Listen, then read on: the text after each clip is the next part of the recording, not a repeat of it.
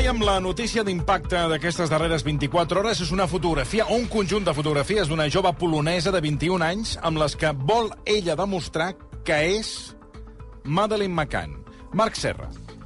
Bona tarda, doncs eh, és la qüestió que avui ocupa els mitjans eh, de tot arreu. La Madeleine va desaparèixer la nit del 2 de maig del 2007 eh, mentre descansava al seu llit d'un apartament de Praia de Luz a Algarve, a Portugal, i a partir d'aquí el cas ha donat totes les voltes possibles. Des de centenars de pistes que han acabat en res, acusacions de passivitat policial i també sospites, recordeu que va haver-hi una època on se sospitava que els propis pares de la Madeleine eh, s'havien inventat el segrest bueno, després d'haver-la matat, fins i tot es va arribar deixa'm, a dir. Eh? Deixa'm eh, recordar que aquí, en aquest programa, vàrem entrevistar el cap de la policia portuguesa que va portar la investigació, un inspector que va portar aquesta investigació, i en aquest programa ell va dir que eh, Madeleine McCain, és a dir, havia mort o havia desaparegut eh, a conseqüència del... O sigui, que, que els autors segons ell, eren els pares. Eren els pares, i llavors havien encobert que... aquesta mort ah, fent-la desaparèixer. Ara som davant d'un nou gir que té com a protagonista una noia polonesa de 21 anys que viu a Alemanya i que està exposant des de fa uns dies a través de les xarxes socials un munt de fotografies on compara els detalls facials de la Madeleine i els seus propis i afirma que la Madeleine és ella. A banda d'això, dona també altres detalls de la seva vida que, segons ella, confirmarien que és la nena que va desaparèixer el 2007 a Portugal. De moment, ningú semblava fer-li molt de cas, però la cosa ha canviat avui. I really want tinc moltes ganes de conèixer i parlar amb els pares de la Madeleine i ensenyar-los un test d'ADN que digui que puc ser la seva filla. No tinc por, però sí que estic nerviosa pels resultats del test. Puc confirmar que aquest test es farà, però no n'he parlat amb els pares directament, però sí amb una persona que treballa en una institució molt important del Regne Unit. Very important um, institution uh, from UK. Com dèiem, aquest cas ha explotat avui. Sí que és cert que ella fa dies que penja fotografies i comparatives. Tot sorgeix a les xarxes socials d'Instagram i de TikTok, on aquesta noia, que es diu Júlia i de cognom Faustina, ha passat de tenir molt pocs seguidors a rebre milers i milers de missatges. Però compta amb el canvi que ha fet a Instagram. El seu compte demanava a la gent que l'ajudés a entrar en contacte amb els Macan i avui ha afegit la família Macan ha donat el seu permís per realitzar la prova d'ADN no estem parlant que hagi penjat quatre fotografies, sinó que el muntatge que ha fet comparant-se amb la Madeleine són bastants exhaustius, repassant quines són les semblances segons ella. Ella diu que s'assembla a la Madeleine per diverses raons que ara repassarem. Per exemple, les seves expressions facials de petita són iguals que les de la Madeleine. Hem penjat sí. alguna fotografia a les nostres xarxes socials, sí, sí. que també podeu sí, veure, sí, sí, igual, eh? i es compara ella, aquesta noia, la Júlia de petita, sí. amb la Madeleine de petita, que de fet és l'única foto que tenim de la Madeleine, abans de, del sí, segrest sí. o la desaparició. Diries que sí, que... Una taca a la galta esquerra, que també diu que la Madeleine la tenia, i atenció, perquè aquesta és la clau de la seva tesi, un defecte a l'ull dret que consisteix en una fractura de l'iris. És la seva principal prova física sí, i és, és de caràcter hereditari, aquesta sí, fractura. Sí. Bueno, però li, li, li pot passar a molta gent? No, a molta no, gent no. no. Amb molta, no, és una cosa dedicada. És bueno, però no hi ha un únic cas al món. Ah, no, no, no però al, al mateix lloc, al mate, de la mateixa forma... Es pot, es pot no, reproduir, no. es pot, es pot reproduir aquesta, uh, aquesta, aquesta afecció a, a, diferent, no, bueno, a, a, a d'altres ulls. Hi ha gent que ho té, però es veu que és hereditari. Això no, es podeu comprovar exacte. fàcilment, m'imagino. Diverses pigues a les cames i a la cara situades fixa't, al mateix lloc fixa't. i el color de cabell igual al de la Madeleine quan totes dues eren petites. És que diries que és ella. Però deixant davant del tema físic, preguntem-nos quines altres situacions li fan pensar que podia ser la Madeline. Diu que ella és adoptada, la Júlia, i que quan ha intentat parlar amb els seus pares adoptius, ells no li han volgut donar cap mena d'explicació. També afirma que ha intentat sense èxit obtenir un certificat de naixement i que tampoc ha aconseguit obtenir-lo. Però la trama segueix perquè la Júlia explica que va patir abusos de petita i aquí la història es complica. Diu que va patir abusos d'un dels sospitosos del segrest de la Madeleine i que aquest sospitós figura a la web de la família McCann com a buscat si tu entres a la web de la família mm. McCann on exposa quins són els sospitosos, ella n'assenyala un com a possible abusador de quan era petita. Aquest abús, diu, li va causar problemes eh, d'amnèsia traumàtica. Per tant, hi ha una part de la seva vida que no recorda la Júlia. Hem anat buscant diversos documents a través de les seves xarxes socials. La podem escoltar dient que ella és real. I make this live because I want to prove that I'm real and I'm Faig honest. aquest vídeo perquè vull demostrar que sóc real i honesta I- que puc ser la Madeleine. Tinc evidències i raons per creure-ho. Estic molt nerviosa. No sé què dir. Però gràcies pel vostre suport i ajuda. Espero que algú parli amb mi i m'ajudi. No, no puc continuar perquè no em puc estressar més. Però ara necessito demostrar que és real. Moltes, moltes gràcies. I proved that I'm real. Thank you so much. Aquests són alguns dels testimonis que ella ofereix a través de les xarxes socials. Deixa molt clar que la història no se l'inventa i li pregunten per quins records té d'aquella època. The El primer record que tinc després de l'amnèsia traumàtica el vaig tenir cap als single 14 anys. El primer record són 14 com unes vacances, no sé on. Hi havia una platja, un hotel uh, blanc o molt clar, amb un mar o un oceà, amb un, uh, it's- amb un riu que travessava la platja.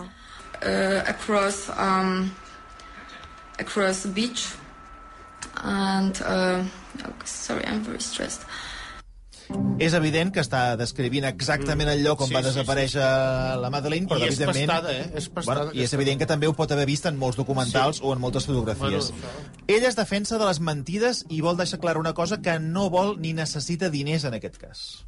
I know I, I want you to believe me because Vull que I'm em creieu. Sóc honesta I'm i not no una liar. mentidera. La gent diu que em donarà diners per fer el test d'ADN. I no ho vull. No vull diners. No vull que la gent pensi que sóc una mentidera. because uh, I don't want people I don't want to make people think that I'm liar.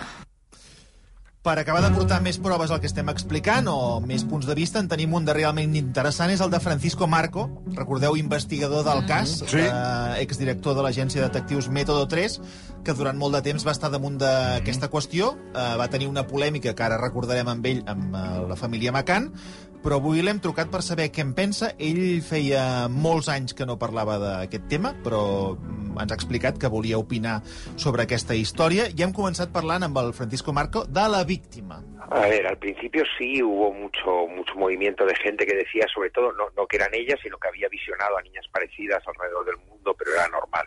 El, impacto era el impacto de la foto de la niña era brutal. Habían multitud de teléfonos donde se estaba reclamando información y entonces cualquier persona que veía algo parecido, pues eh, eh, lo daba como un avistamiento, ¿no? Y hubieron muchísimos y se tuvieron que comprobar uno a uno. Este es especial, especial en sí mismo porque hay una persona que dice que es ella. ¿eh? Y entonces es, es lo que es lo que ha cambiado todo, ¿no? Y, y lo que parece que, que algunos medios no es que le estén dando verosimilitud, pero sí le están dando cobertura, eh, pues porque la niña lo que está reclamando es simplemente si es, o sea, le está reclamando a la familia Macan que se realice una prueba de ADN para comprobar si es ella. Efectivament, la clau és la prova d'ADN, que, com us deia, sembla que la família ha acceptat practicar-la. Ah. Però el Francisco Marco ha anat més enllà i ha realitzat una prova una prova en les fotografies de la Júlia, d'aquesta noia que diu que és la Madeleine, que Sí. s'han publicat a les xarxes socials, per intentar verificar si és o no és la Madeleine. Aquesta és la prova i després escoltarem l'explicació d'aquesta prova. Lo primero que hice es hacer una búsqueda eh, biométrica en, en Internet. Y hay unos sistemas especiales que tenemos eh, algunas personas que, que detectan desde un punto de vista biométrico si hay fotografías de alguien parecido en la red, ¿no?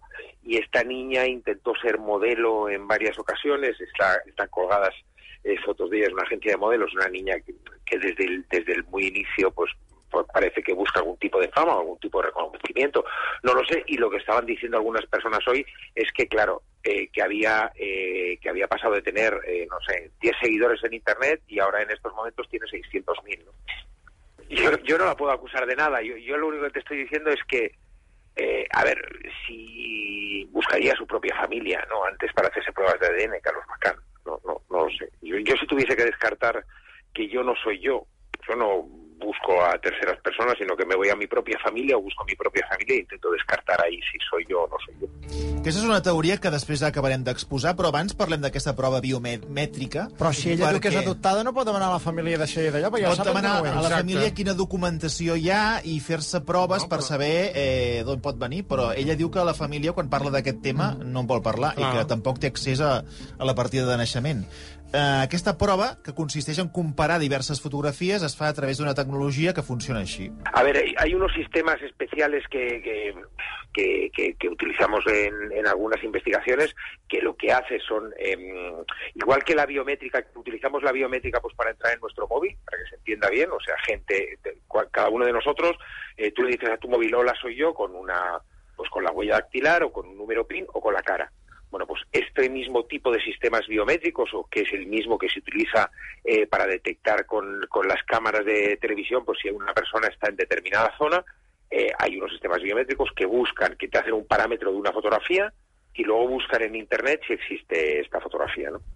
Y cuando tú buscas a esta persona, obviamente no aparece eh, Madeleine McCann, que sería lo primero que, que buscaría, y es una foto que está ampliamente distribuida, y luego te detecta esta niña en, en determinadas webs de modelos eh, de, de- de modelaje polaca.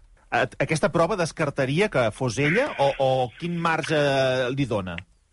A ver, esta prueba descarta eh, que eh, la fotografía que se ha distribuido de la chica polaca, y yo he buscado, y de las nuevas que yo he encontrado en modeleo, eh, que tenga algún tipo de coincidencia biométrica con Madeleine McCann, con la foto que se conoce de Madeleine McCann. Recordem que estem parlant amb Francisco Marco, investigador en el seu dia del cas i exdirector de l'agència de detectius Método 3. No n'ha parlat durant 15 anys i avui eh, he tingut la vinentesa de fer-ho en aquest programa. Ha apuntat dues qüestions que acabarem de desenvolupar, que li han augmentat molt els seguidors a les xarxes socials i que ell buscaria, diguem-ne, els seus propis orígens en el que és l'entorn del lloc on viu que no pas en tercers. Però les diferències que hi ha entre una fotografia i l'altra, com les valora? Es cierto que, que se modifican determinadas, eh, o sea, determinados rasgos fisiológicos de la cara, pero hay otros que no.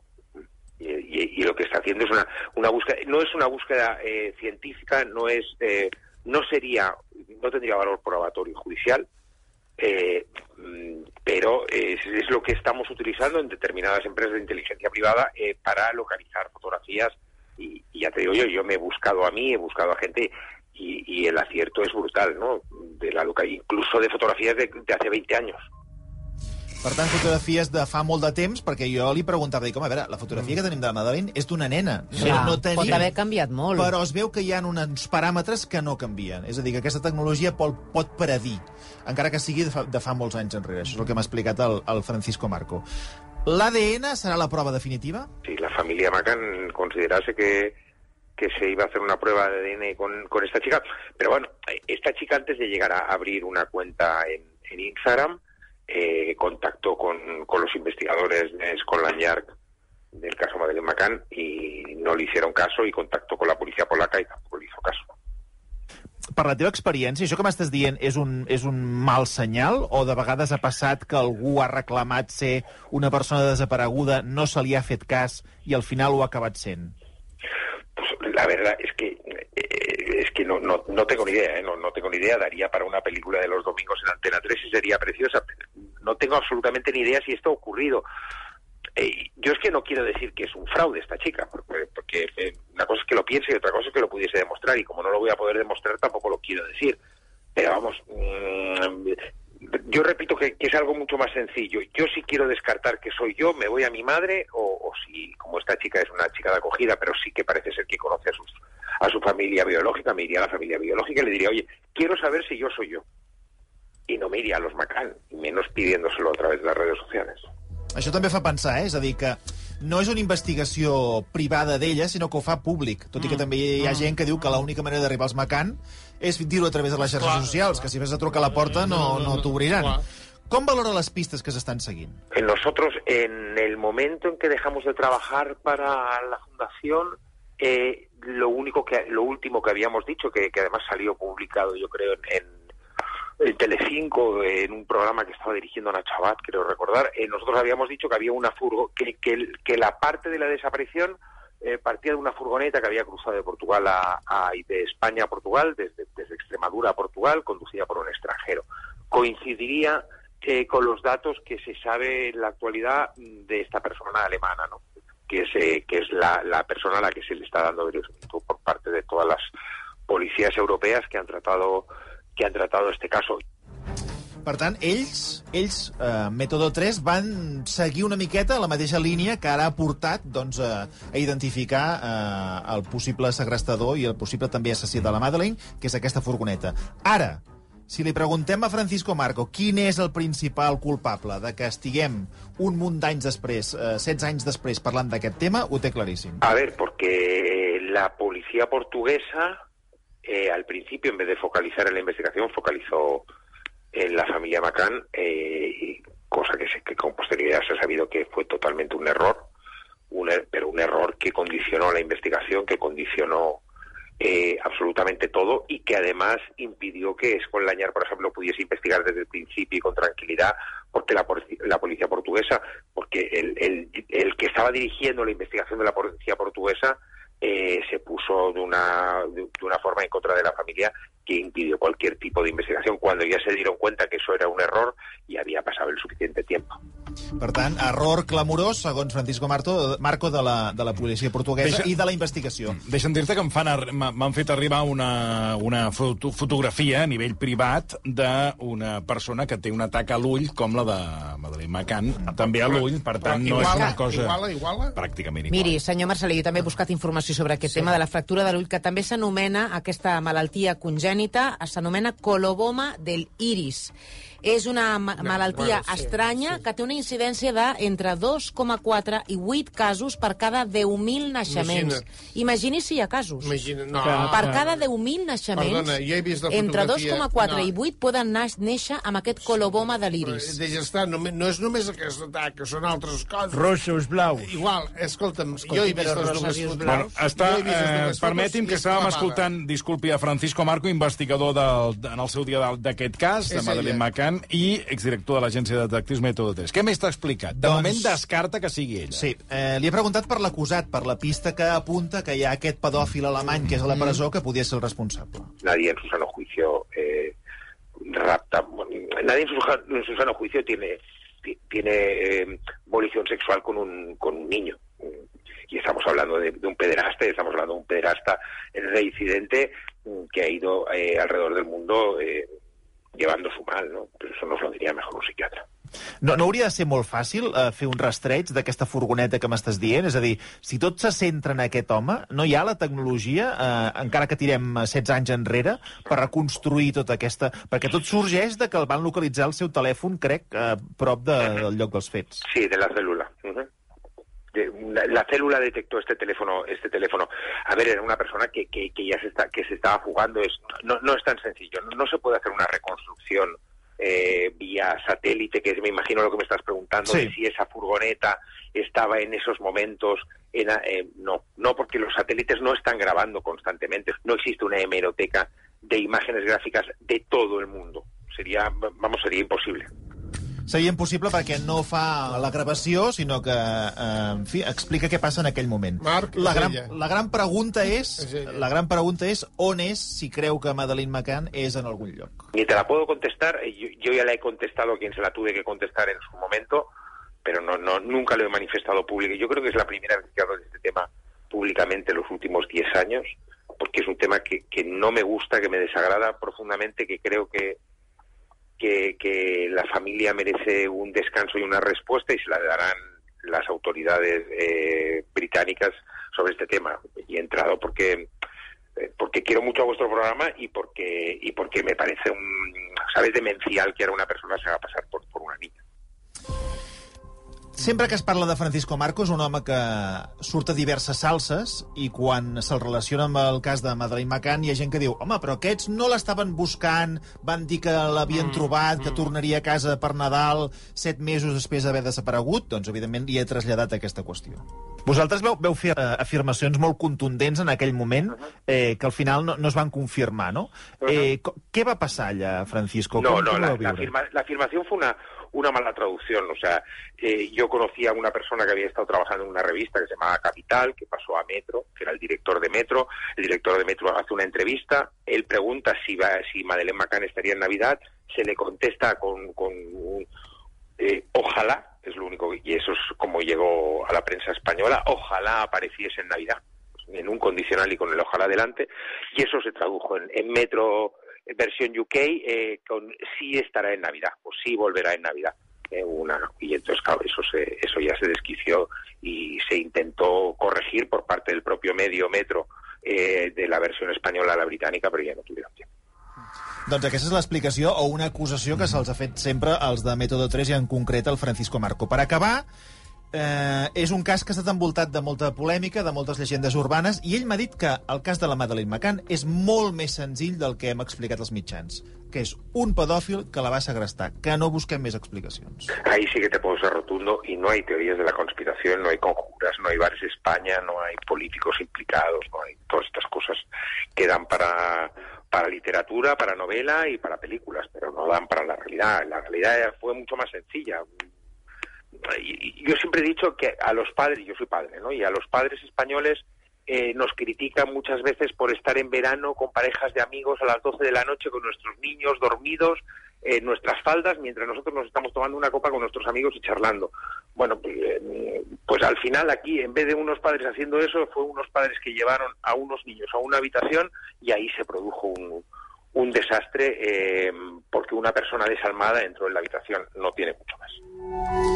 Doncs aquestes són les declaracions 10 anys després, 10 anys després de silenci de Francisco Marco, investigador sí. del cas i exdirector de l'agència de detectius Método 3, sobre aquesta noia que avui ha aparegut arreu del món dient que és Madeleine McCann. Deix, eh, deixa'm agrair a Francisco Marco que hagi volgut eh, parlar pel versió RAC1. Des d'aquí moltíssimes gràcies. Com dèiem, investigador en el seu dia del cas i exdirector d'aquesta agència de, de detectius, Método 3. Marc eh, Serra, moltes gràcies.